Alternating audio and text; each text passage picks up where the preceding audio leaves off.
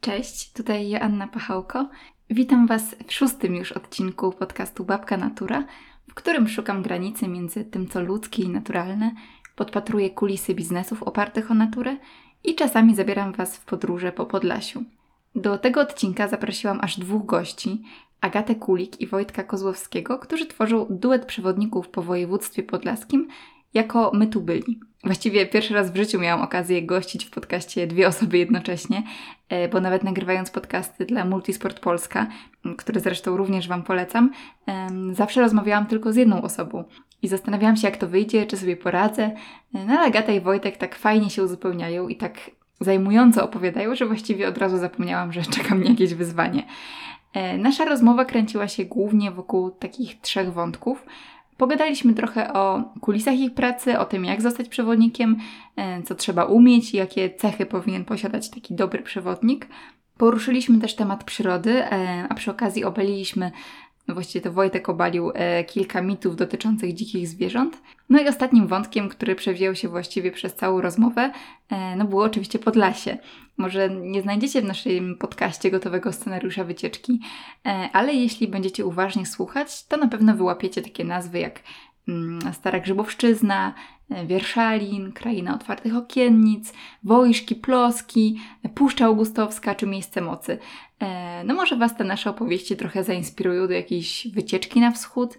No jeśli chcielibyście, żeby ktoś Was na taką wycieczkę zabrał, to oczywiście możecie odezwać się do Agaty i Wojtka, którzy na pewno perfekcyjnie to ogarną.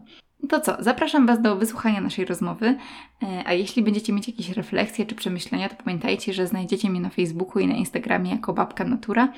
Wasze wszystkie komentarze czy wiadomości zawsze bardzo mnie cieszą, E, no a tymczasem możecie już powoli zanurzać się w świecie dzikiej przyrody. Najpierw dżingiel, czyli 15 sekund śpiewu ptaków, a później nasza rozmowa. Do usłyszenia.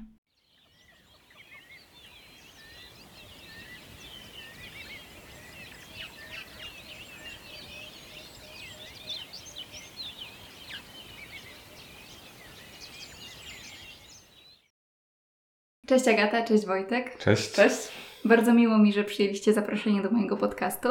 A dzisiaj chciałabym porozmawiać trochę o kulisach Waszej pracy. Jesteście przewodnikami po województwie podlaskim, tworzycie markę My Tu Byli.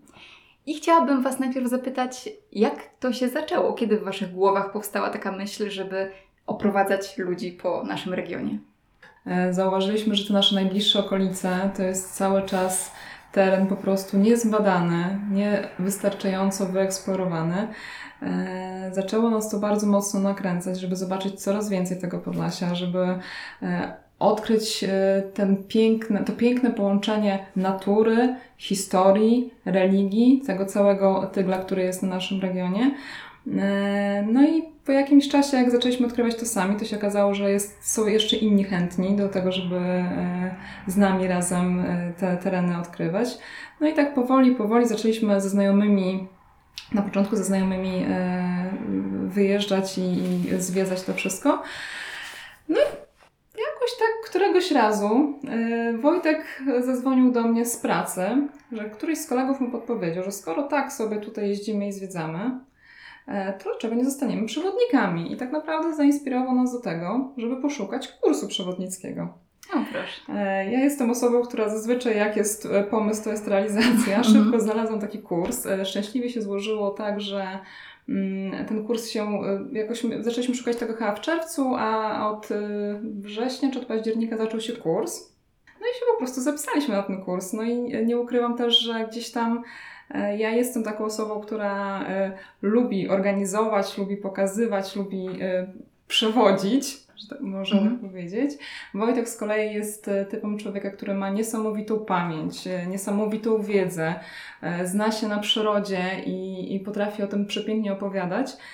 No i skończyliśmy kurs, no i zaczęliśmy działać bardziej jeszcze w, w tym kierunku, aby być przewodnikami.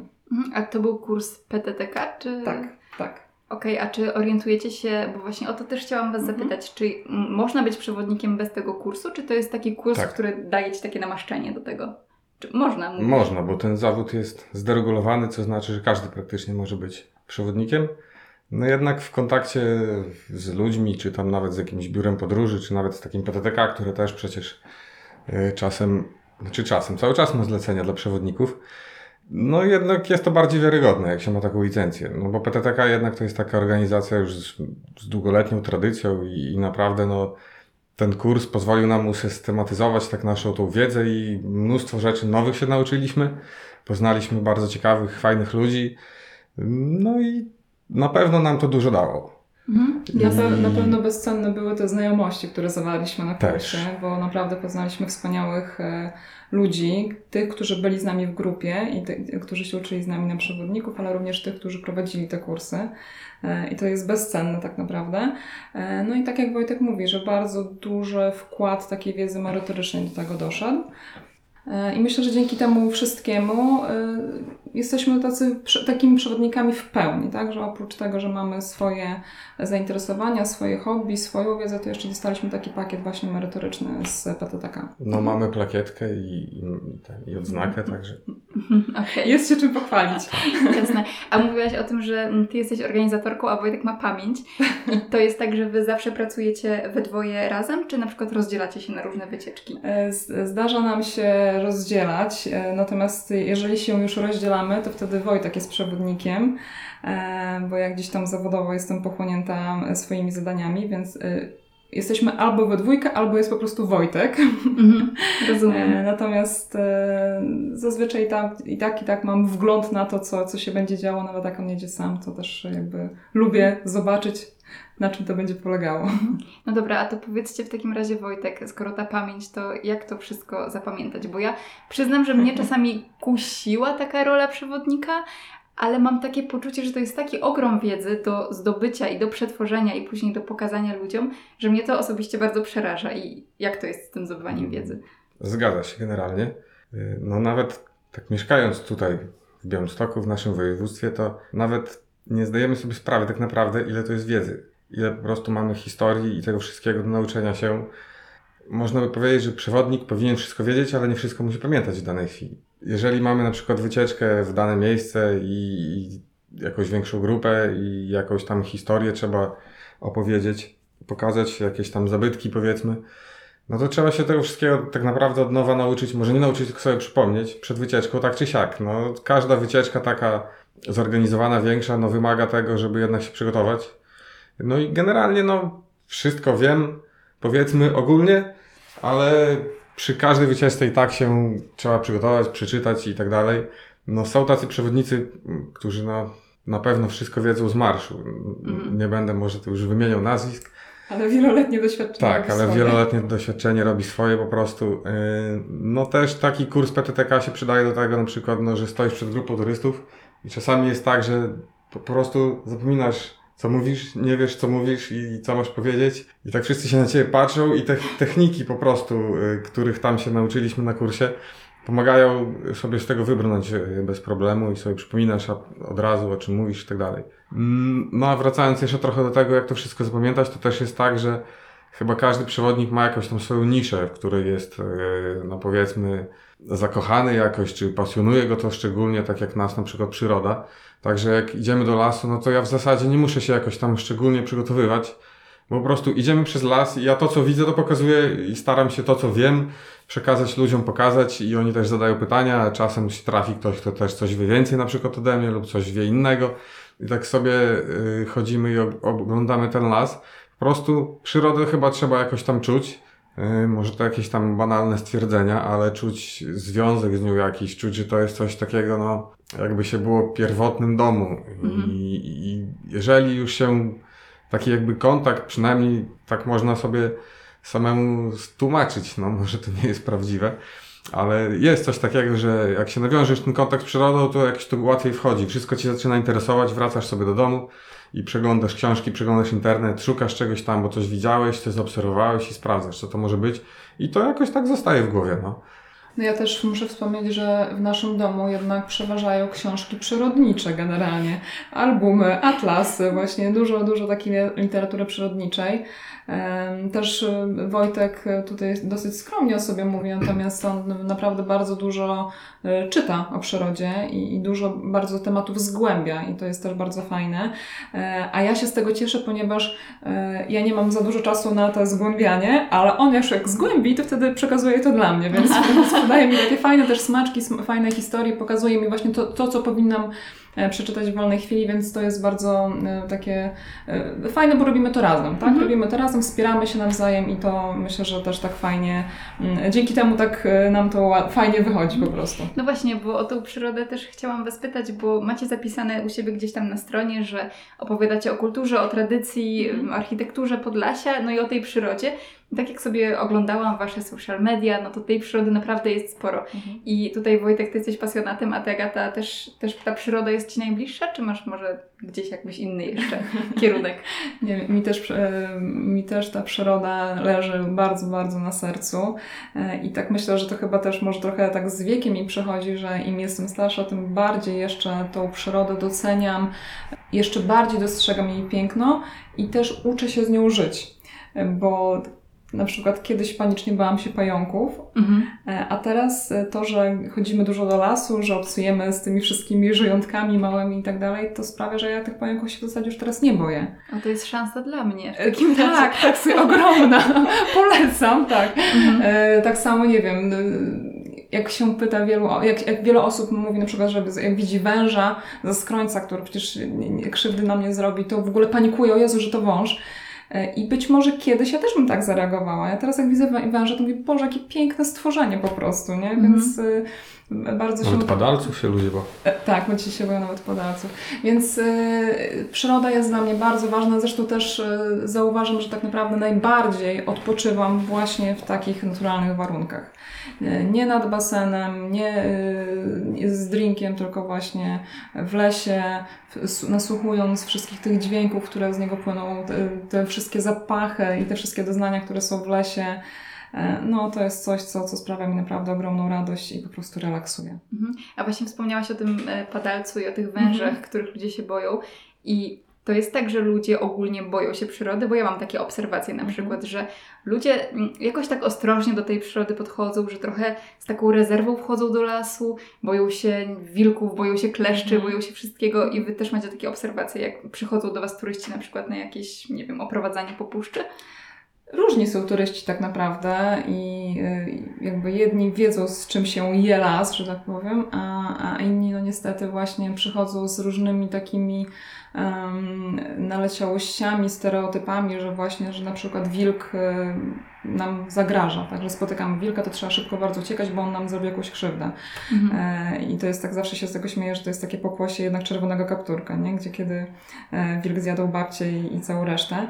E, Więc my staramy się tłumaczyć te wszystkie stereotypy, które są odnośnie przyrody, odnośnie zagrożeń, które może stworzyć przyroda, no to są często długoletnie, e, przez wiele lat powtarzane gdzieś tam historie, a my się staramy po prostu tłumaczyć, że tak nie jest i pokazywać, jak to naprawdę wygląda. Lepiej bądź gorzej nam się to pewnie u- udaje. Natomiast tak, rzeczywiście na przykład y, ludzie ogromnie boją się kleszcze. Mhm. E, I kleszcz oczywiście nie jest e, moim też ulubionym stworzeniem, e, natomiast jakby jest też kwestia pewnej świadomości, jak się ubrać do lasu, żeby zniwelować e, możliwość tego, żeby kleszcz się w, w nas wbił. Mhm. Co zrobić po przejściu do domu, żeby uniknąć tego wbicia się kleszcza, bądź też co, co robić, kiedy ten kleszcz się wbije, więc tak naprawdę no, to, jest tak, to jest taka kwestia takiego bardzo racjonalnego podejścia do tej przyrody, tego, żeby e, nie nastawiać się, nie nakręcać się, tylko bardzo spokojnie, racjonalnie do tego podejść. I ludzie, ale tak jak obserwujecie ludzi, to raczej przychodzą właśnie takie świadome osoby, czy raczej musicie edukować, że las nie jest taki straszny? Czy to się kompletnie pół na pół na przykład To jest, rozkłada? myślę, że kompletnie pół na pół, ale myślę, że też tak z taką prze, delikatną przewagą jednak na tych, którym trzeba trochę więcej tłumaczyć, żeby, żeby to po prostu zrozumieli. E, natomiast ja jakby też nie ma w tym nic złego, że ludzie w ten sposób się nastawiają, ponieważ ja też kiedyś miałam jakieś takie różnego rodzaju uprzedzenia. E, więc jakby mówię, nie jest to nic złego, to jest kwestia tak naprawdę rozchodzenia się i rozsmakowania w przyrodzie. E, no i to, te, te lęki myślę, że, że potrafią minąć. Ja jestem tego najlepszym właśnie przykładem. Mhm. No to jeszcze zostajemy trochę przy tych turystach. E, to mhm. właściwie kto do Was przychodzi? Czy to są ludzie spoza naszego regionu, czy może nie wiem, ktoś stąd, kto chce jeszcze lepiej poznać nasze województwo? Mamy taką grupkę, która się już uzbierała przez ten kilka lat. Y, to są głównie osoby z Białegostoku i okolic, ale takich turystów, powiedzmy, komercyjnych y, mamy z Polski, czasami nawet z zagranicy się trafiali też.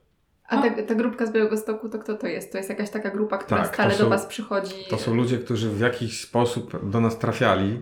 Y, przez internet, przez znajomych, przez y, rajd PTTK też do Wierszalina kiedyś był taki który zorganizowaliśmy, bo nie jesteśmy takimi, nie da się ukryć, typowymi przewodnikami, którzy tam obsługują autokary, ludzi pełne, tylko raczej takie mniejsze grupki, właśnie zorientowane trochę na przyrodę bardziej. Ten spacer do Wierszalina to było takie połączenie przyrody, historii, kultury i wszystkiego właśnie, to esencja takiego Podlasia naszego. I tym tak się trochę właśnie zajmujemy, żeby do tej przyrody dodawać trochę ich historii, ich kultury. To jest najlepszy przykład, to jest właśnie Wierszalin i historia tego naszego proroka, Eliasza, mhm. tak, y, i Stara Grzybo, Grzybowszczyzna i Wierszalin, tamte okolice, to przecież to jest wszystko zarośnięte lasem już w tej chwili. I mamy tą cerkiew wybudowaną przez Eliasza i jego wieś jeszcze tam zachowaną i ten Wierszalin właśnie, gdzie jeszcze mamy fundamenty tego, y, tej drugiej cerkwi i to jest, to jest to, co chcemy właśnie pokazywać. I ludzie i z naszego regionu, i z całej Polski, i też y, z zagranicy są bardzo ciekawi i zainteresowani tego, a na miejscu wręcz czasem zszokowani, że tu takie są fajne rzeczy i nie spodziewali się tego. Oczywiście, no, nie ma może jakichś lunaparków i innych super atrakcji, wież widokowych, jakichś jak w górach i tak dalej, dla takich powiedzmy masowych turystów, ale dla takich turystów, którzy czegoś tam szukają więcej trochę, żeby się zatopić w tej przyrodzie, z, historię jakoś poznać, zobaczyć te cerkiewki, te domy nasze zdobione i poczuć właśnie tą magię Podlasia słynną, którą niektórzy szukają i próbują znaleźć, to my możemy im to pokazać, a czy ktoś poczuje tak naprawdę, czy nie, to jest inna sprawa, ale no do tej pory tak, no nie, nie mieliśmy jakichś tam jakichś narzekań wszystkim się podoba zawsze. My zawsze też staramy się tam jakoś powiedzmy niwelować jakieś yy, na różnych płaszczyznach powiedzmy zagrożenia i takie różne inne rzeczy, które mogą wpłynąć na nieprzyjemny nastrój, no i to tak jakoś zawsze skutkuje, no. Ale w jakim sensie na przykład eliminować te zagrożenia? Przygotowujecie się na różną pogodę na przykład? Tak, na przykład. też. Tak. Yy, staramy się też od razu informować z góry, co będzie. Mhm. Yy, I też, jak mam, znaczy to jest tak, że jak sami coś organizujemy, to ludzie już, ci nasza ta grupka, to już wiedzą się czego spodziewać, yy, ale też zawsze maksymalnie jakoś tam staramy się informować, żeby ludzie byli przygotowani, żeby nikt nie przed sobie w klapkach, nie, bo to nie da rady, nikt nie przejdzie 15 km przez las, to chyba szybciej na boso. No jak jest spora grupa ludzi, to też staramy się tak nie robić takich ekstremalnych bardzo wypraw, żeby każdy dał radę. No. No ale też to, to, tak organizacyjnie to jeżeli mamy taką grupę jakąś ludzi, to zawsze staram się e, przypomnieć im o tym, że na przykład właśnie trzeba mieć dobre buty, że do lasu najlepiej jednak w długich spodniach ze względu między innymi na kleszcze, ale też na różne warunki, w których możemy być w tym lesie. E, o tym, że trzeba wziąć ze sobą wodę, że czasami spray na komary dla tych, którzy się właśnie tych komarów e, boją bądź po prostu nie lubią być pogryzieni. E, że na przykład czapka na głowę trzeba ubrać, jeżeli jest jakieś tam słońce. Mhm. Coś energetycznego do jedzenia zjeść, bo to ileś tam kilometrów, tak, które sobie co, co prawda ustalamy, ale zawsze coś energetycznego dobrze ze sobą mieć.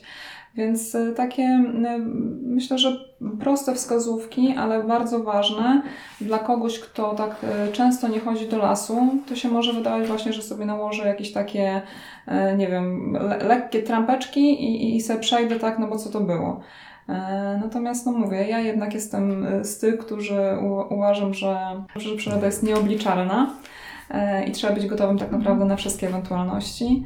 E, no i stąd takie zawsze mm, może matkowanie trochę, no ale wolę przygotować ludzi na, na wszystkie ewentualności po prostu. Trzeba być przygotowanym w tym sensie na wszystko, bo każdy chce zobaczyć, na przykład przyjeżdża do Białowieży, chce zobaczyć prawdziwy las, Mhm. Puszczę Białowieską. Z tym, że różni ludzie inaczej, różnie to rozumieją. I po prostu czasami jest tak, że przyjeżdżasz, a to jest grupa ludzi, którzy są odziani y, w termoaktywne ubrania wszystkie, mają trekkingowe buty, plecaki pełne wszystkiego, co się da. I oni są gotowi na wszystko tak naprawdę. I z nimi można iść po prostu na przełaj przez pokrzywy, krzaczory, nie narzekają, przejdzie się 16-20 kilometrów, y, nie widząc dróg praktycznie i im się podoba, nie? A inni chcą zobaczyć prawdziwy las i oni są przygotowani i tak dalej, no ale przyjeżdżasz, a nie mają no, zwykłe ubrania, jakieś tam dżinsy, koszulkę bawełnianą. No i, i to są właśnie różne oczekiwania i ja muszę z jednymi iść, mogę sobie pozwolić na wszystko praktycznie, chociaż też y, na wszystko sobie nie pozwalam, E, ale też czasami mówię tak, że widzę, że są przygotowani i mówię, że albo wam się spodoba i wrócicie, albo już nigdy mnie nie zadzwonicie po prostu i będziecie mnie przeklinać potem, a, ale też muszę być przygotowany takich ludzi, którzy są gotowi tak naprawdę, no jeden rzut oka widać, że nie pójdziemy nawet zarośniętą drogą, no bo to będzie dla nich za ciężko. Też muszę być przygotowany na to, żeby jakimiś takimi w miarę zwykłymi, normalnymi, szutrowymi drogami przejść i pokazać im jakiś kawałek lasu, jakiś wielki dąb, yy, bo po to oni tu przyjeżdżają, żeby zobaczyć jakieś wielkie dęby, bo nigdzie ich nie ma i pokazać jeszcze tam przy okazji wszystko po drodze, czasami jakiś zwierz się trafi, że przejdzie, ale to też rzadko, bo no, ludzie często przyjeżdżają, to tak naprawdę wychodzimy dziewiąta, dziesiąta sobie do lasu, a to już o takiej porze to jest dla zwierząt leśnych wolno żyjących za ciepło, one sobie gdzieś tam odpoczywają, czasem jakaś kuna przebiegnie albo sarna i to wszystko. Ale takim ludziom też trzeba pokazać ten prawdziwy las i no i Puszczy Białowieskiej jest to o tyle łatwe, że możemy sobie iść zwykłą drogą, bo cała puszcza jest pocięta tymi drogami od carskich czasów i możemy z zwykłej drogi oglądać sobie prawdziwą puszczę przepiękną. Tak sobie teraz myślę o tym, jaki powinien być przewodnik.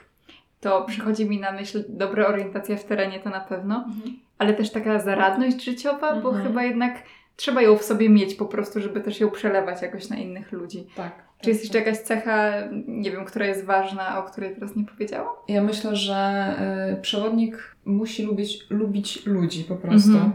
No tak. Y, Ja ludzi bardzo lubię i lubię się z nimi spotykać i, i lubię z nimi rozmawiać i, i to jest napra- na pewno bardzo ważny element y, przewodnika. Wojtek, dla Ciebie? Co, co może być takim...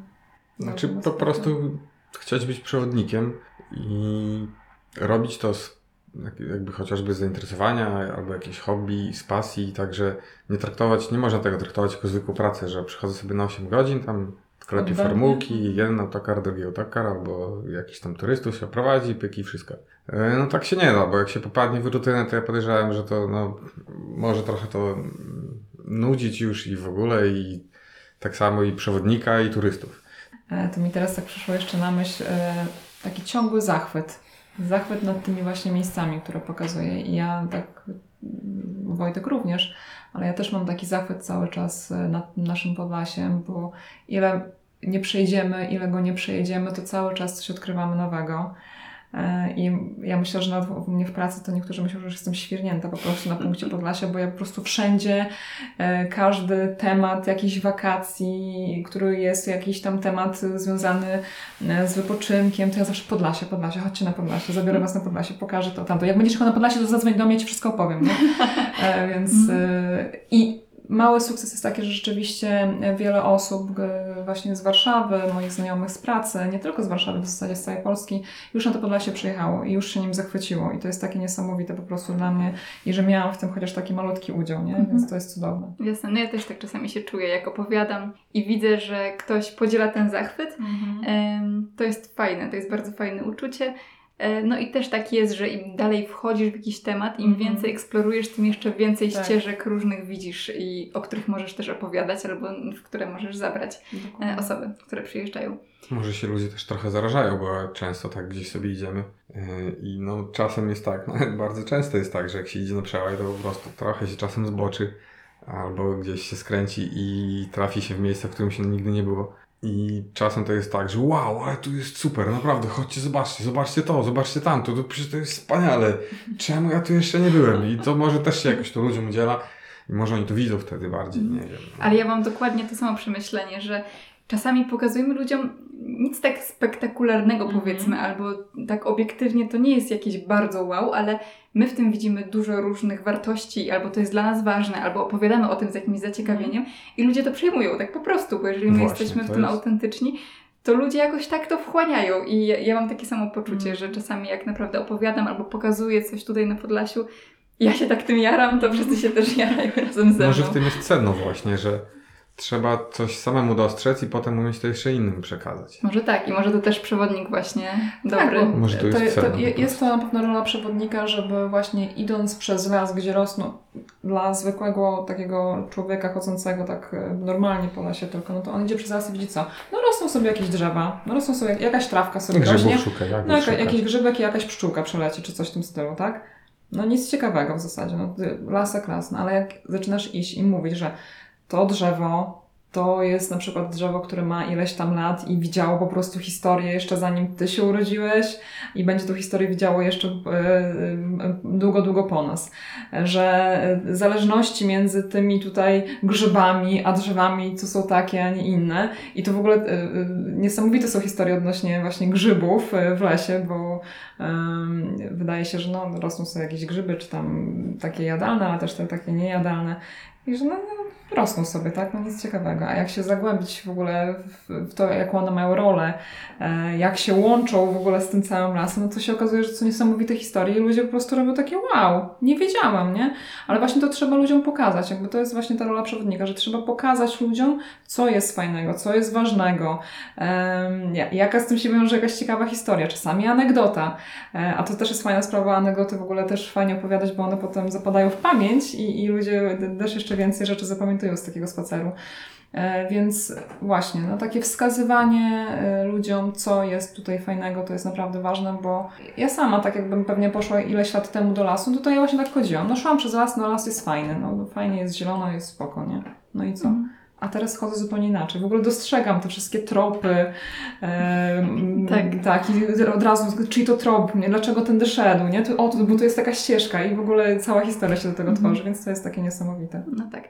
To właśnie trochę może o tej pracy przewodnika od Mhm. kuchni, bo wy nie jesteście przewodnikami na taki full etat. Mhm. E, Pracujecie po prostu na etatach. Mhm. E, Jak to u Was wygląda? Oprowadzacie po prostu weekendami zazwyczaj, czy jakoś popołudniami też Wam się zdarza? No ja mam taką pracę etatową typowo, że pracuję 8 godzin dziennie.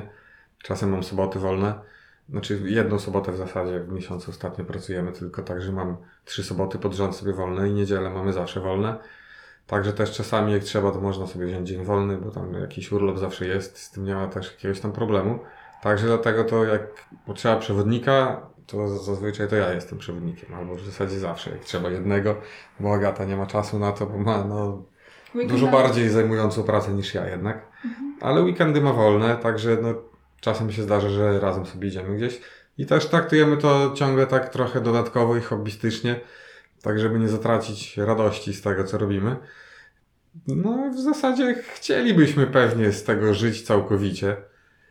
Mm, Mieć jeszcze sobie jakąś taką bazę, żeby wynajmować też ludziom noclegi i tak dalej. I przewodnikować sobie tak już no, pełny etat i żyć z tego, tylko no jednak nie jest to takie łatwe, co zresztą ostatnio sytuacja pokazała, że branża turystyczna po prostu znikła na pewien moment i dopiero się odradza i też nie jest lekko. Chociaż jest zauważalny trochę ruch taki indywidualnych turystów, którzy też czasem chcieli gdzieś pójść z dala od ludzi, ale zostać w Polsce i przyjechać może na Podlasie też i no ale gdzie tu pójść z dala od ludzi? To może jakiegoś przewodnika wynajmiemy, no. Mhm. Nie jest to może już w obecnej chwili jakiś tam strasznie duży koszt na te kilka godzin, także kilka osób się zrzuci i wynajmie przewodnika, nie tracą czasu na szukanie po prostu i dostają od razu to, czego chcą. Ja pytam, co chcecie zobaczyć. Yy, Możemy jechać sobie, jak ostatnio jechałem z taką grupką, jechaliśmy z Białegostoku do Białowieży, to po drodze, jakie tam się dało, wszystkie wioski i cerkiewki sobie obejrzeliśmy też. Potem pochodziliśmy po, Biał- po Puszczy Białowieskiej na dziko, no żubrów nie było, bo pewnie gdzieś sobie odpoczywały w środku dnia, to poszliśmy jeszcze zobaczyć żubry w rezerwacie pokazowym, Mhm. także mieliśmy wszystko po prostu w pigułce. Mm, Takie wycieczki też lubię bardzo. No zresztą tak naprawdę, no poza lasem, i tymi dzikimi terenami bezludnymi, to tak najbardziej chyba lubimy te nasze wioski drewniane, cerkiewki drewniane, jakieś cmentarze takie stare, wiejskie, grodziska też i bardzo chętnie turystów też tam zabieramy, no bo to sami uwielbiamy po prostu i, i ten, i lubimy to pokazywać. Czyli wy jesteście takimi przewodnikami trochę szytymi na miarę, że można, Tak. można O, do was zadzwonić. Tak, genialnie powiedziane. Tak, dokładnie. Tak. Bo no, mamy tą swoją niszę, którą tam forsujemy i staramy się promować też jakby Podlasie i województwo podlaskie właśnie przez tą przyrodę, głównie z dodatkiem tych y, historyczno-kulturowych elementów. Ale jesteśmy do wynajęcia praktycznie na całe Podlaskie, oprócz tych parków narodowych, w których trzeba mieć osobne uprawnienia. Y, to jesteśmy w zasadzie w stanie spełnić prawie wszystkie żądania. No. Z, włącznie z, wynajęciu, z wynajęciem balonu, jak ktoś ma ochotę, także też możemy wynająć mu balon, sobie polata beze mnie. Ja poczekam z Agatą. Jak latanie balonem z przewodnikiem, to Agata leci, ja zostaję i czekam. Mhm. No i w zasadzie jesteśmy w stanie wszystko zorganizować. Mamy trochę też znajomych, no nie wiem jak to w ostatnim czasie wygląda, kto jeszcze działa jakoś, kto trochę mniej, ale myślę, że damy radę, no nawet większą jakąś tam wycieczkę, na kilka dni zorganizować pobyt i tak dalej, no mamy swoją niszę, ale jesteśmy do dyspozycji w każdym aspekcie tak naprawdę. No, jesteśmy przewodnikami z licencją PTTK na całe wojew- województwo. No i to nas zobowiązuje też do tego, żeby być dostępnymi na całe województwo. Także nie ma problemu, jak ktoś chce pojechać sobie do Tykocina albo do Kruszynian, czy do Supraśla, czy na Suwalszczyznę by sobie chciał pojechać, to możemy też tam jakiś nocleg zorganizować yy, i atrakcje, jakieś przewodnika, wszystko. Taka Żaden mała problem. dygresja właśnie o tej Suwalszczyźnie powiedziałeś i e, ja uważam, że ta Suwalszczyzna nasza jest też cudowna i taka nieodkryta jeszcze i, i dzika i też warto Czy dzika może nie, ale jest, ja bym powiedział, ucywilizowana, ale jednak odludna. dokładnie. Że można tam się poczuć odludnie, a e, wciąż jednak e, gdzieś tam są jakieś tam domy, ludzie mieszkają niedaleko, ale można wędrując poczuć się tak samemu sobie ze światem. No i tam mamy zresztą też bardzo fajną na Suwalszczyźnie wycieczkę tematyczną śladami jaćwingów. Tak. E, Mhm. No, to, także też... Suwalszczyzna i, tu Ełckie bliżej, to można zrobić taką dwudniową, trzydniową wycieczkę śladami Jaćwingów, te grodziska. I to jest też taki pretekst ci Jaćwingowie, bo y, szukamy grodzisk y, lub innych śladów y, Jaćwingów, a jednocześnie no, łazimy sobie po lasach, jakieś jeziorka, też oglądamy przyrodę, trafiliśmy na miejsce zimowania łosi, gdzie było po prostu O. tyle śladów, że no właśnie tak, tak, sobie, tak sobie organizujemy to czasami. Mhm. No Suwalszczyzna jest dla mnie też takim jeszcze nieodkrytym terenem, Mhm. bo ja jednak tutaj Tak. częściej jeździłam pół- na Podlasie, tak, czyli Mhm. tutaj bardziej na południe i też mamy taki plan na ten rok i może na przyszły, że jednak Mhm. tą Suwalszczyznę trzeba odkryć. Polecam też Puszczę Romińską. To jest taki, no, może na mapie niezbyt duży skrawek, Mhm. się wydaje, ale naprawdę są tam ciekawe bardzo miejsca. Ale to już nie jest u nas. Znaczy, no to jest już tak pogranicze nasze, Mhm. ale już y, warmińsko-mazurskie, ale Mhm. od Suwałk to jest niedaleko. Jak już jesteśmy w Suwalskim Parku Mhm. Krajobrazowym nad Hańczą, to można, jak się chce jeden dzień tam poświęcić, jakieś mm, rezerwaty i inne takie rzeczy zobaczyć. Naprawdę są zaskakująco ciekawe naprawdę las. E, No właśnie, to mówicie o tej przyrodzie i też wspomnieliście dużo o Puszczy Białowieskiej. Dlaczego to jest wasza ulubiona puszcza? Bo już tutaj chyba nie ukrywacie, że jednak do tej Białowieskiej pałacie gdzieś największym sentymentem. Mm, Puszcza Białowieska jest po prostu jedyna w swoim rodzaju. E, Bo to jest e, taki prawdziwy, pierwotny las. E, To jest jakaś magia chyba w tej puszczy generalnie i to chyba to tak przyciąga mnie przynajmniej. Ja tam zajeżdżam i się od razu czuję taka po prostu malutka wśród tego po prostu bezkresu e, tej przyrody, tej dzikości. No to, to chyba to. Nie wiem jak Wojtek. No jest tam najwięcej żubrów i najwie- największe, największe dęby rosną. Mhm. Nie będziemy oryginalni, to żubry i dęby to są ulubione elementy. Królowie puszczy tak naprawdę. No i tak jak Agata mówiła, że jest tak najbardziej dzika w zasadzie. Yy, najwięcej jest tam takiej naturalności i tych procesów jeszcze, które trwają tysiące lat. I mimo, że duża część puszczy jest przekształcona gospodarczo, to jednak tą, tą dzikość, tą naturę tam cały czas widać, jest obecna cały czas. Jak się gdzieś wejdzie w głąb tego lasu i staniesz sobie i tak zatopisz się zmysłami w tym wszystkim, to naprawdę to jest jakaś, jakieś magiczne miejsce. Pozostałe puszcze nasze też są oczywiście piękne i nie brakuje w nich e, miejsc e, takich ciekawych i godnych polecenia, zwłaszcza w Augustowskiej jest dosyć dziko, jest tam dużo wody jeszcze całkiem w porównaniu z Białowieską ostatnio i z Knyszyńską puszczą. dużo torfowisk i bagien i mokradeł. No ale jednak ta Białowieska ma w sobie coś takiego, że tam chce się wracać i jednak to jest to, że tam no, taki dom w zasadzie. Nie ma nigdzie takiego lasu na pewno, na nizinach przynajmniej. Puszczy Białowieskiej jest tak zwane miejsce mocy. E, No i jedni tam coś czują, inni nie czują, różnie to bywa. Natomiast jak dla mnie cała Puszcza Białowieska jest po prostu miejscem mocy. I to jest Mhm. chyba kwintesencja po prostu tego. Dokładnie. A samo miejsce mocy lubicie? Jako miejsce? Znaczy my tam znaczy- zawsze jesteśmy 5 minut góra. Mhm. Okej. By, byliśmy tam, nie wiem, kilka razy, ja ze dwa razy ostatnio też byłem z turystami, ale to tak nikt nic nie czuł tak naprawdę. Każdemu trzeba było tłumaczyć, co to jest to miejsce mocy i czemu jest takie miejsce mocy, a tak naprawdę te drzewa, które tam takie pokręcone rosną i że to niby przez to moc, to przypuszczalnie ludzie tam kiedyś kozy paśli i te kozy tam obgryzały te drzewa i potem one rosły takie pokrzywione przez to, a nie przez moc. Ale być może ta moc tam jest, no nie wiadomo tak naprawdę. Jedni czują, inni czują.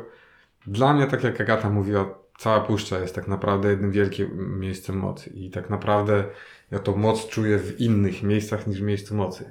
Mhm. I tą magię. Ale to musielibyśmy się tam przenieść i bym wytłumaczył. Mhm. Jasne. myślę, że e, jakby nie odzierając absolutnie tego miejsca z takiej tajemniczości, z tej Nie no, niech legenda sobie będzie, to zawsze E, jest jakaś to- atrakcja To ja turystyczna uważam, że przecież. generalnie właśnie e, po prostu to, jest bardzo indywidualna kwestia. Pełno jest takich atrakcji przecież turystycznych, które tak naprawdę są czym innym niż ludzie sobie wyobrażają i czym innym niż one zostały wypromowane. E, I tak samo jest może z miejscem mocy, może tam jest ta moc, ja nie, nie, ten, nie przesądzam, ale takie punkty są potrzebne, bo ludzie jak chcą przyjechać do Puszczy Białowieskiej, no to fajnie, przyjadą sobie do Białowieży, ale co poza Białowieżą? Oni, ludzie muszą mieć jakieś punkty zaczepne takie, gdzie się pojedzie tu, pojedzie się tam i przy okazji coś się zobaczy, czegoś się dowiesz i tak dalej. Tak samo jest z Kosym Mostem, z Carską Tropiną, no muszą być takie miejsca po prostu. No tak, takie wokół których po prostu Tak, tworzy się jakaś... Jakaś legenda i jest tam ta moc. My widzieliśmy nawet ludzi, jakichś Hiszpanów prawdopodobnie, yy, sądząc po urodzie, którzy tam medytowali i w ogóle nie zwracali uwagi na to, co się wokół nich dzieje. Tam harmider, ludzie chodzą, tam krzyczą, sobie Mhm. gadają,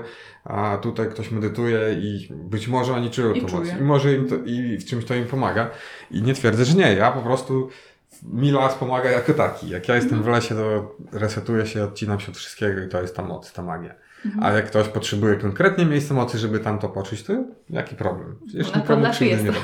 Tak, na Podlasiu mamy trochę miejsc mocy, Mhm. No tak. to może znaleźć. E, a jeszcze powiedzcie, jak to jest z tymi zwierzętami, bo też często mówicie o tym, że macie nosa do zwierząt i macie szczęście do zwierząt Do żubrów szczególnie. i do żubrów. Tak. E, ale to macie szczęście do Łosi. tych żubrów też sami, czy właśnie z turystami, że jak ktoś to was, nie wiem, was wynajmuje, to ma tu większą Był szansę na spotkanie żubra. Tak, był taki okres, to było rok temu czy dwa lata temu? Dwa lata temu, gdzie te żubry tak spotykaliśmy Dwa za każdym temu, razem. tak. Dwa lata temu.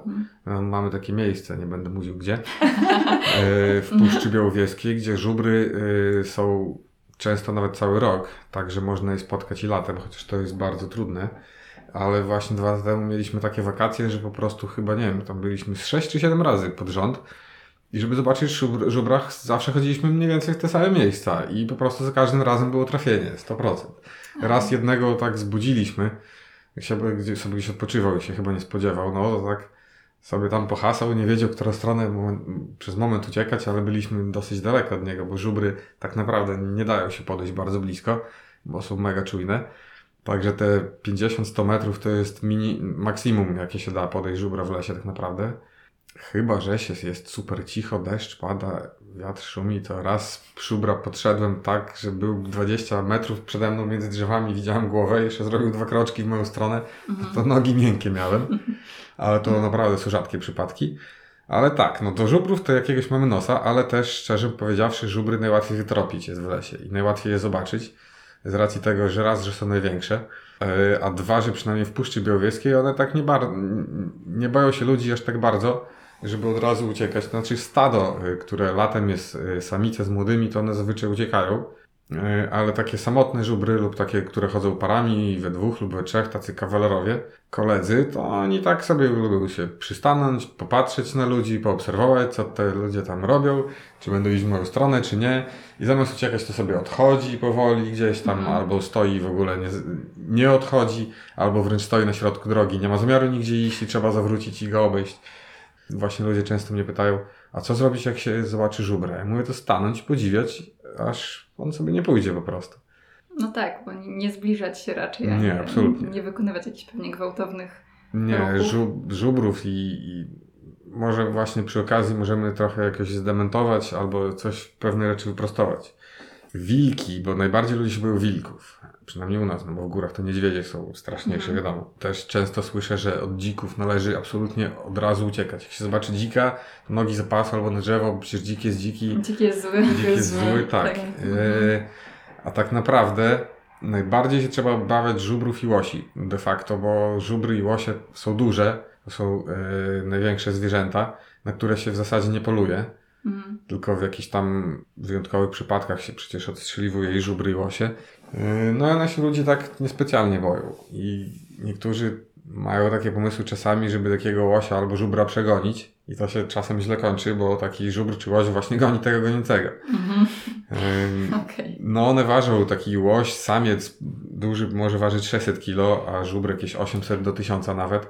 Także my jako ludzie nie mamy absolutnie żadnych szans w starciu z takim zwierzęciem. Taki żubr czy łoś samiec, on po prostu nie lubi, jak się do niego pewnie za, za blisko podchodzi, narusza jego przestrzeń osobistą. A z kolei matki z młodymi są jeszcze bardziej niebezpieczne. No wiadomo, że matka w obronie swojego dziecka zrobi wszystko, czy to łosiowa, czy żubrowa mama. Także no, konfrontacja to nie wyjdzie na dobre. A reszta zwierząt, włącznie z wilkami, po prostu unika ludzi tylko może. I mamy bardzo małe szanse, żeby spotkać chociażby wilka, czy nawet dzika. No dziki może tam mogą też być powiedzmy niebezpieczne, jak są, yy, jest locha z młodymi. To na pewno lepiej ich tam nie zaczepiać i się tam wycofać. Ale tak naprawdę dziki to czmychają od razu, jak tylko człowieka zobaczą. Tak samo i jelenie, i wilki, i sarny. Będąc w górach, to też trzeba na niedźwiedzie uważać, bo niedźwiedzie też są powiedzmy niebezpieczne bardzo, ale też trzeba przyznać, że niedźwiedź to też nie jest zwierzę, które szuka kontaktu z człowiekiem i to jest bardzo czujny zwierz. Jak tylko usłyszy jakieś niepokojące dźwięki, to on też ucieka i nie ma wcale zamiaru tego człowieka ani spotykać, ani go tym bardziej atakować. Także no, zwierząt y, takich wolno żyjących nie należy się bać. Trzeba mieć do nich duży respekt, yy, trzymać do nich dystans przede wszystkim i one tak naprawdę ani nie chcą nam krzywdy zrobić, ani też nie chcą z nami w jakieś tam interakcje wchodzić. Mhm. To są pojedyncze przypadki. Yy, No tak, ale też mi się wydaje, że jak tak po prostu idziemy sobie sami do lasu i się nie zapuszczamy w jakieś bardzo duże gęstwiny, to i tak jest tak naprawdę mała szansa, Bardzo że my jakiekolwiek zwierzę to zobaczymy. jest szansa tylko wtedy, jeżeli jakieś zwierzę przejdzie sobie przez drogę, to No zobaczymy je w oddali. A tak naprawdę, tak jak ostatnio zresztą szedłem yy, z turystami, że no oni trochę tam z tyłu zostali, bo był trudny teren, drzewa powolone, to tam przystanąłem, żeby na nich poczekać. I jak już się zbliżali, zaczęło być, być ich słychać i tam szeleścili, tam łamali te gałęzie czy coś. Obok mnie jakieś, nie wiem, z 50 metrów zerwał się jeleń, który akurat odpoczywał i uciekł. Mnie nawet nie usłyszał, bo ja sobie tak jakoś cicho szedłem widocznie. Do nikogo nic nie mówiłem, powoli sobie szedłem.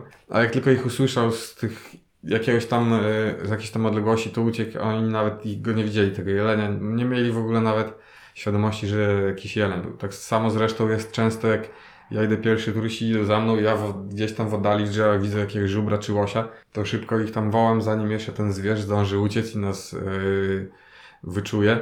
To już czasami uda się, że ktoś to, to zobaczy, ale zazwyczaj to one znikają tak szybko, te zwierzęta, że no, bardzo mała szansa jest. Trzeba iść naprawdę cicho i wypatrywać, tropić i wtedy może coś się wytropi. Ale Mhm. to też jest tak, że te zwierzęta, nawet jak się jest samemu, to one nas wyczują i uciekną. Najlepiej jak ktoś chce zobaczyć jakieś zwierzę, na pewno to jest iść w jakieś miejsce uczęszczane, gdzie te zwierzęta sobie przychodzą i się tam jakoś zamaskować, siedzieć tam godzinami i można coś wtedy zobaczyć, a może i nie. No tak, Tak, tak. naprawdę.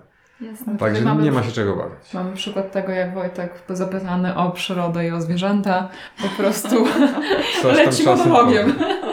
E, Wyobrażam sobie, że tak e, też opowiadacie o tym turystom, którzy gdzieś do was, do was przychodzą. No ja w zasadzie to tak, o, tak mówię, jak turystom Mhm. opowiadam. Mhm, Takie no rzeczy, tak. bo oni też ludzie podobne pytania zadają. Czy Mhm. należy się bać zwierząt, czy łatwo jest spotkać zwierzę, co robić wtedy i tak dalej. No i ja tak samo mówię, to tak co i teraz tak naprawdę. Dobra. To jeszcze y, wróćmy na sekundę jeszcze do tych kulis prac e, przewodnika. E, wy jesteście właśnie takimi bardziej hobbystycznymi, powiedzmy, przewodnikami, ale to jest tak, że jak przychodzi lato, to raczej nie planujecie wyjazdów, bo wiecie, że będziecie mieć na przykład zlecenia, czy podchodzicie do tego na luzie, jak będą, to będą. Podchodzimy do tego bardzo na luzie tak naprawdę. E, Jak coś się trafia, to po prostu to, To to bierzemy. bierzemy. Mhm. E, Jeżeli jest to jakiś weekend, który już mamy wcześniej zaplanowany, to po prostu albo szukamy innego terminu dla tych ludzi, ewentualnie jeżeli z naszej strony jest możliwość modyfikacji, no to też modyfikujemy, ale generalnie y, jakoś nie tak, że po prostu się spinamy strasznie nad tym. Mhm. Traktujemy to, mówię, cały czas jednak tak bardzo y, obok, obok zwykłej pracy zawodowej. No jednak, żeby się tym zająć tak na, na poważnie, bardzo poważnie, to przynajmniej jedno z nas musiałoby się temu poświęcić całkowicie, zrezygnować z pracy. A na ten moment Na raczej... ten moment no ciężko by było. Wiadomo, że byłbym to ja na pewno na początku. Mhm. E, Generalnie praca przewodnika jest taką pracą e, bardzo mocno sezonową jednak. I najwięcej turystów jednak jest właśnie w tych okresach wakacyjnych i i te okresy po prostu muszą być tak mocne, żeby pozwolić potem przeżyć przez cały kolejny rok. No stąd jak na razie po prostu traktujemy to jako dodatkowo, dodatkowe zajęcie, a nie jako główne źródło zarobkowania, ale chyba też nie chciałabym używać właśnie w kontekście tego przewodnictwa tego hasła źródło zarobkowania, bo to ma, ma być w sumie nie źródło zarobkowania, tylko właśnie źródło takiej przyjemności i samospełnienia tak naprawdę. Nie, no to w takim razie tego Wam życzę. Żeby, że jeżeli będziecie mieć takie plany, to rzeczywiście udało się je przekuć e, w coś powiedzmy na pełen etat, jeśli będziecie chcieli, a jeśli nie, no to, to myślę, że też tak jak działacie teraz Mhm. e, jest super. E, to powiedzcie, gdzie można Was znaleźć, gdyby ktoś chciał na przykład jakąś wycieczkę zamówić. Zapraszamy przede wszystkim na naszą stronę. My tu byli, strona facebookowa. E, Tam też są podane numery telefonów do nas, jest adres mailowy, e, na który można też pisać, messenger. No nie ukrywamy się też, to tam członkowie zespołu tu jesteśmy też Mhm. jawnie, także można do nas napisać prywatnie, zadzwonić, maila wysłać, cokolwiek. Mhm. Żaden problem. I też chciałbym tylko powiedzieć, że my nie jesteśmy tylko hardkorowymi takimi Aha. ekstremalnymi przewodnikami, Mhm. bo niektórzy tak też czasem myślą, yy, obserwując nas, że po prostu to jest ekstremum jakieś cały czas. Nie, my jesteśmy przewodnikami także normalnymi, powiedzmy, zwykłymi. Normalnymi. Także nie zawsze musimy się pakować w jakieś błoto i krzeczory. Jesteśmy w stanie zorganizować tak naprawdę każdą wycieczkę. Może nie ten, nie jesteśmy też takimi przewodnikami, żeby obsługiwać jakieś wielkie grupy, że tu przyjedzie autokar na 50 osób, to może być trochę ciężko. My wolimy tak bardziej kameralnie powiedzmy, ale nawet i autokar to nie jest żaden problem. No, damy sobie radę, znamy trochę ludzi i przewodników innych, jakichś tam przedsiębiorców, którzy też działają w tej branży mniej więcej, także myślę, że ze wszystkim sobie możemy poradzić. No to super, to będziemy do Was zapraszać w takim razie. A jeszcze, jeszcze tak kończąc, bo mówiliśmy dużo o przyrodzie i wspomnieliście tylko troszeczkę o Waszych innych ulubionych miejscach na Podlasiu, bo mówiłeś Wojtek o tych domkach drewnianych i to jest jakby to drugie miejsce, które lubicie najbardziej, tak? Poza, poza przyrodą. To znaczy kraina otwartych okiennic, Tak. czy coś jeszcze tutaj dookoła? Znaczy tak, Znaczy generalnie, może ja powiem jeszcze o tej krainie otwartych Mhm. okiennic, żeby to tak trochę sprostować, bo to jest termin nadany przez ludzi z zewnątrz tak naprawdę. My tego To sobie prawda. tutaj nie wymyśliliśmy. I ci ludzie byli w tamtych trzech wsiach, w Trześciance, Puchłach i Socach. I to jest tam ten trójkącik taki to jest nazywane. A jest jeszcze mnóstwo wiosek, które są poza krainą otwartych okiennic, które ludzie powinni poznawać i właśnie często ich też tam zabieramy. Jak Mhm. Lutycze na przykład, czy Tak, Ploski, tak, czy Wojszki. o. Tam jest bardzo Tak. dużo takich pięknych domów naprawdę. Także jeżeli ktoś szuka otwartych okiennic i zdobień, to jak najbardziej jest też przecież mnóstwo cerkwi. Nie tylko w Puchłach i Trześciance są cerkwie. Może ta w Puchłach jest taka najbardziej e, spektakularna powiedzmy z zewnątrz. I ten ikonostas w środku też jest taki, że ludzie od razu robią wow. Ale przecież mamy mnóstwo cerkwi, tyle w całym regionie, także my też się staramy to tak, większość tego pokazywać. Nie tylko yy, się skupiać na tych właśnie głównych punktach, gdzie ludzie coś słyszeli i chcą tu przyjechać to zobaczyć, ale też tak staramy się coś innego pokazać i właśnie to są też nasze takie ulubione miejsca poza lasem, czy, czy biebrzą, czy, czy jakimiś innymi odludziami. To są te właśnie wioski, te cerkwie, te cmentarze. Mm, Czasem zapomniany jest taki przecież cmentarz w Deniskach, których, którym w zasadzie mało kto wie. E, Tam stoi tylko takich kilka nagrobków bardzo starych i jeden współczesny. W ogóle w lesie takim i na uboczu i takie rzeczy też odkrywamy czasami. Nie, to, to nie jest tak też, że unikamy tych głównych takich miejsc jak Tykocin, yy, Supraśl, Kruszyniany, yy, no bo to jest najbardziej znane. Ale po prostu chcemy też te mniej znane miejsca trochę ludziom pokazać. Mhm. Fajnie, że wspomniałeś o Ploskach, bo ja mam akurat duży sentyment do tej wsi. No i rzeczywiście ta, tak jest, no powiedziałam kraina otwartych okiennic, Tam ale ostatnio faktycznie- cerkiew remontują na niebiesko, cało będzie. A to nie widziałam, że No, będzie już prawie. Koniecznie prawie, już prawie jest ten. tak. Prawie ostatnio byliśmy, to tam panowie. Niebieska, tak, Tak, to ciekawe. Tak, ciekawe. cała taka bardzo niebieska Piękna, będzie, z takimi błyszczącymi O. kopułkami. No proszę. Ostatnio tam byliśmy, to właśnie panowie remontowali, byli w trakcie, tam mogliśmy sobie Mhm. poobserwować przy Mhm. pracy. No to tak, to jeżeli ktoś szukałby takiego Podlasia trochę nieutartymi szlakami, Dokładnie. to Jak też do. Was, to też do Was. E, I rozumiem, że też Wy cały czas musicie się pewnie dokształcać, tak? To jest tak, że jesteście na przykład No. obłożeni różnymi książkami i cały czas No czytacie. nie ma innego wyjścia. Znaczy to Tak. w zasadzie w głównej mierze pomocny jest internet. W miarę możliwości i książki także jakieś tam czasem dokupujemy sobie.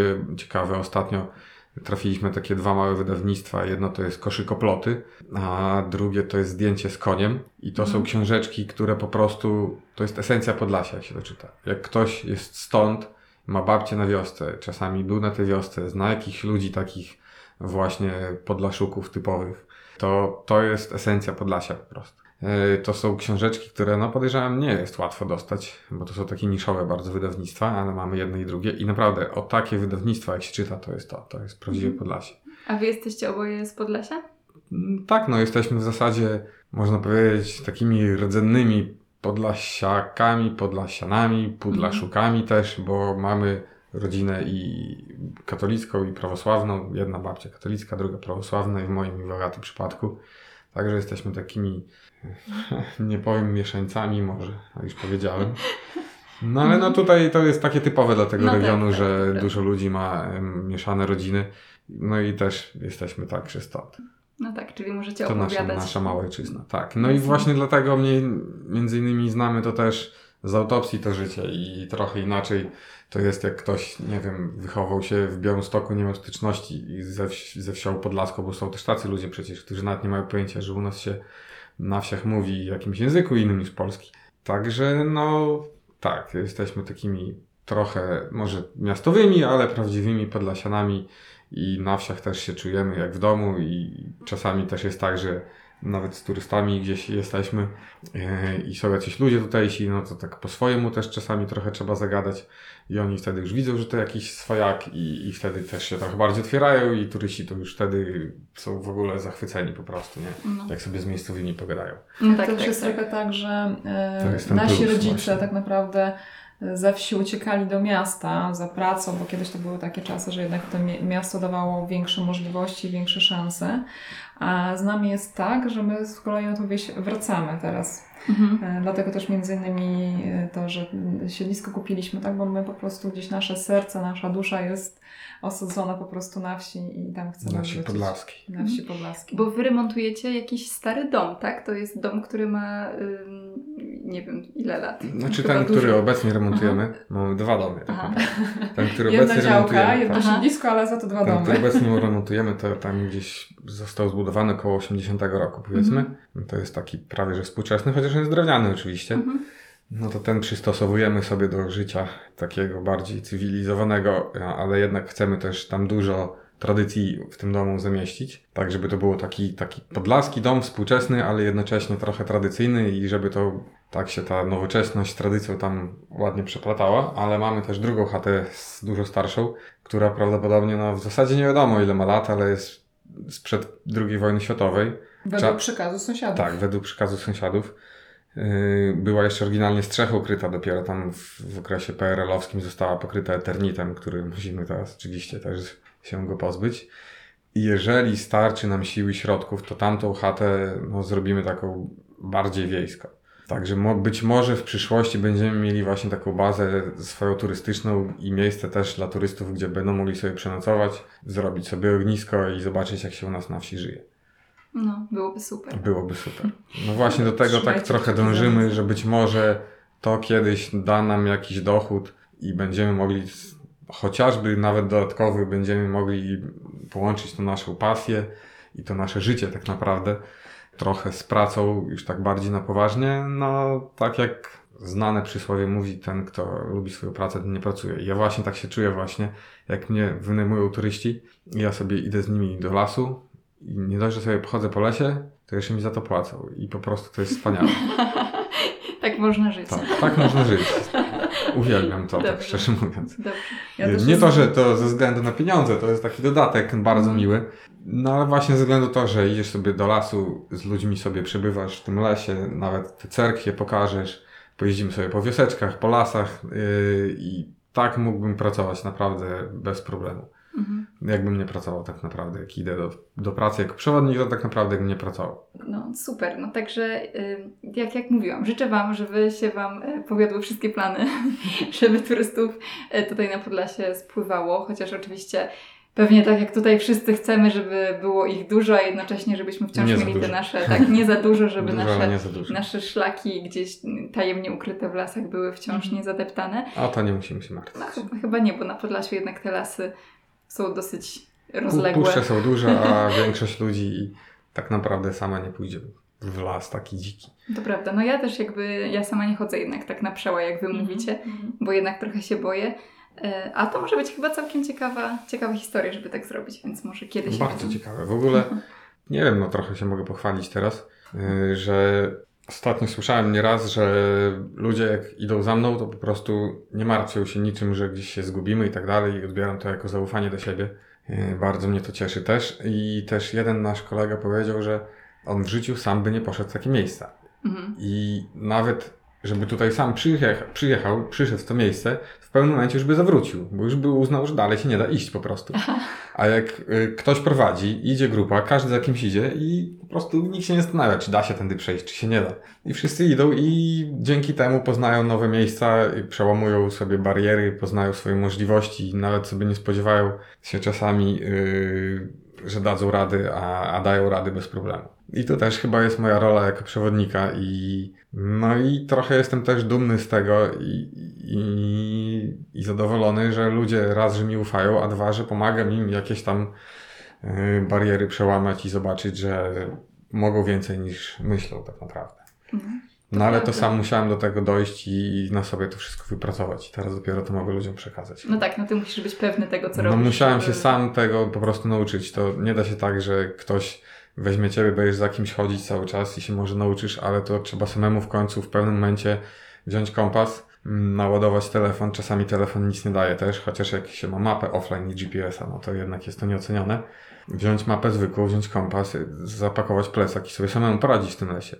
I po jakimś czasie jest się gotowym do tego, żeby innych ludzi też do tego lasu zabrać i im to pokazać po prostu. Znaczy ja, ja myślę, że ja byłam takim w ogóle e, pi- pierwszym No tak. te, testerem tego, te, tego wszystkiego, bo tak naprawdę e, Wojtek na początku mnie po tych lasach właśnie tak przeciągnął porządnie e, i, i pokazał i, i, zaczął właśnie pokazywać, na co mam zwrócić uwagę.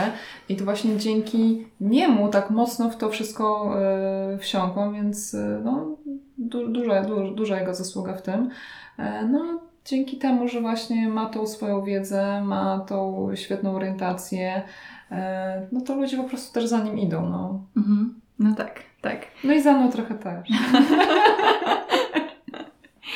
Nie no, naprawdę, jak ja sobie już wyobrażam, to ten spacer przez las, taki cały zielony, zarośnięty, to sama mam ochotę już teraz wyjść i tam pójść.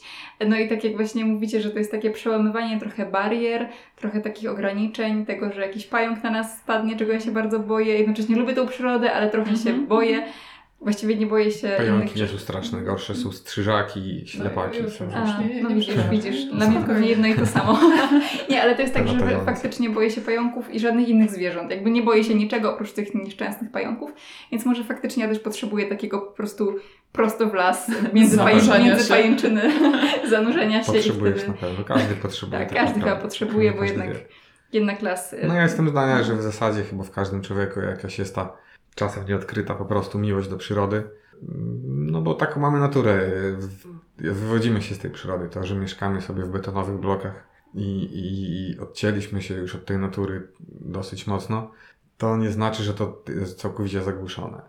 I dużo ludzi przyznaje rację właśnie, gdy się w tym lesie znajdą. No tak, to nawet widać też po tym, że ludzie mają teraz coraz więcej roślin w mieszkaniach, Mhm. że te ogródki coś sadzą, że jednak tak do tej przyrody nas ciągnie i do niej Tak. mimo wszystko gdzieś tam cały czas wracamy.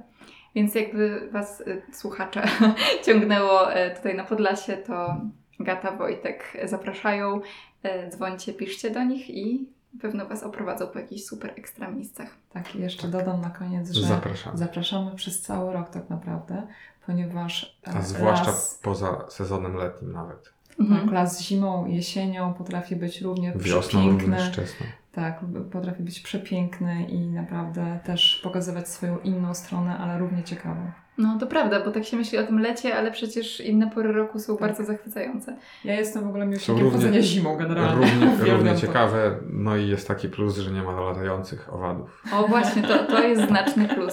To Zimą żubry wychodzą od razu na polanę. Żubry.